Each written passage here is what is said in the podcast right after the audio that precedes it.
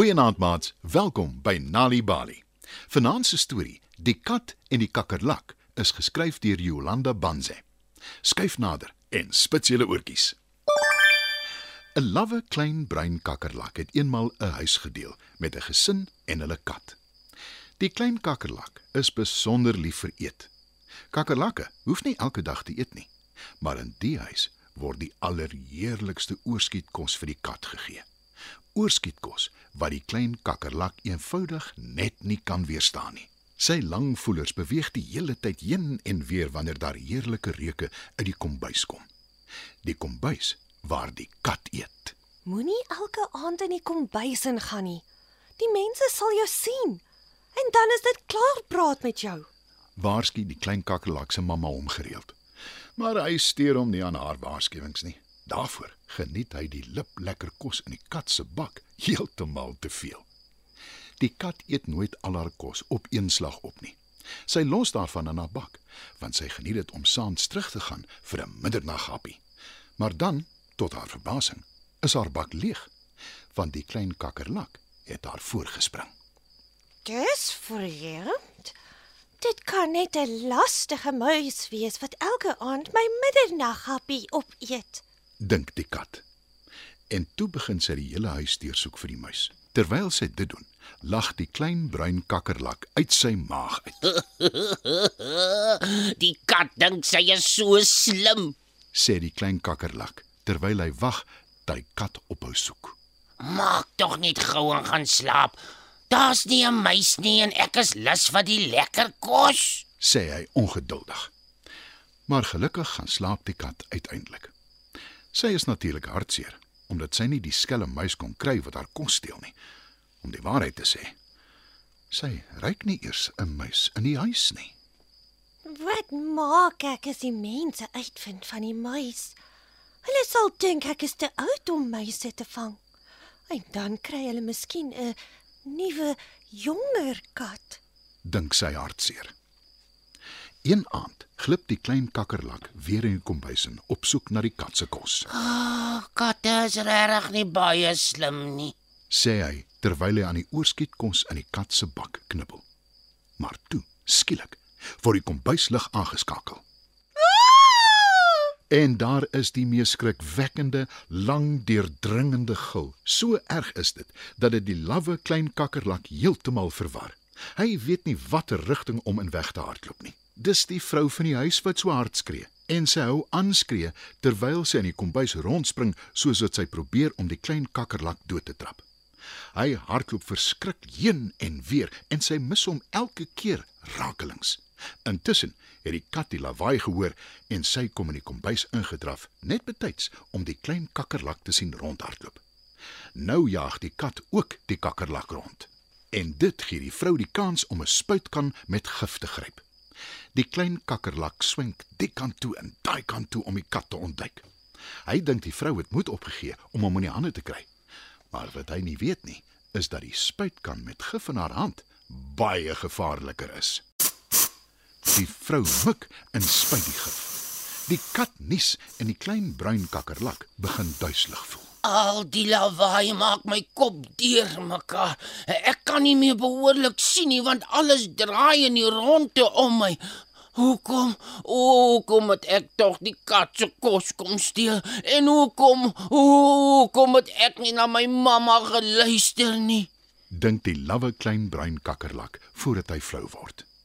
Die vrou gryp 'n besem en vee hom by die agterdeur uit. Die kat kyk tevrede toe. Jy beter nie terugkom hiernatoe nie, kakkerlak, want ek wag vir jou.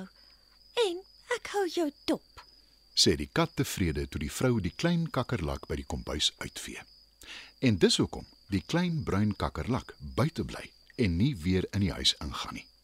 Weg van katte en spuitkanne met gif en die vrou se geskree. Maar soms, wanneer die heerlike reuke uit die kombuis vir hom te erg word en hy seker is daar is niemand in die kombuis nie, skarrel die lawwe klein bruin kakkerlak in die middel van die nag in die huis in vir 'n vinnige happie. Dit was nog 'n Nalibali storie. Die kat en die kakkerlak is geskryf deur Jolande Banze. Die storie is aangebied deur die Nali Bali Leesvergenot Veldtog in samewerking met Standard Bank en SABC Education. Mamma is besig om kos te maak in die kombuis. Pappa sit op die bank in die sitkamer en hulle klein seentjie speel met sy speelgoedtrok op die vloer. Brum, brum, brum. Ek het my hande vol met die kos maak. Sal jy asseblief 'n paar minute met klein Jan speel asseblief? Met graagte. Jy hou van jou trok, né, nee, seun?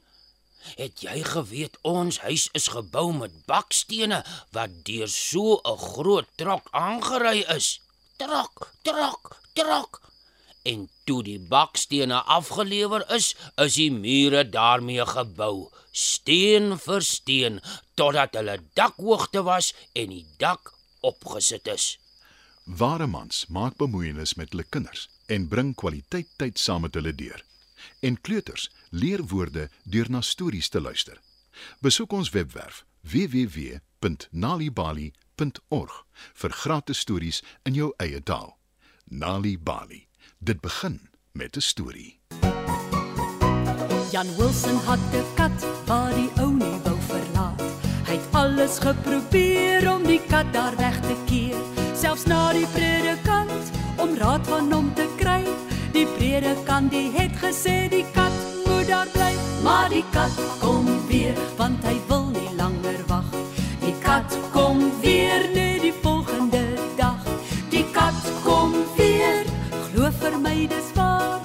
ander dag môre was die kat weer daar.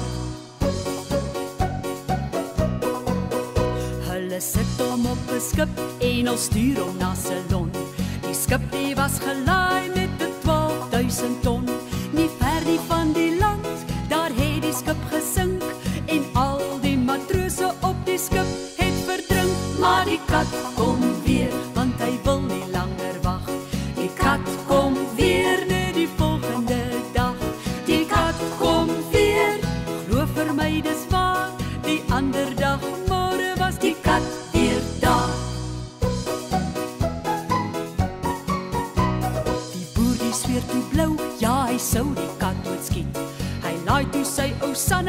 met kruit en dinamiet.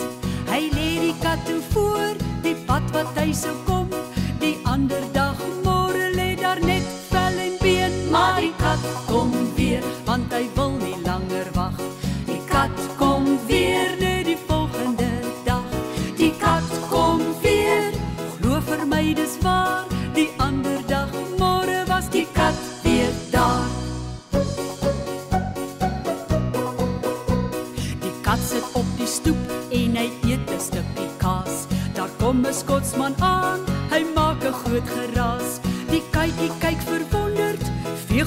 sy poot.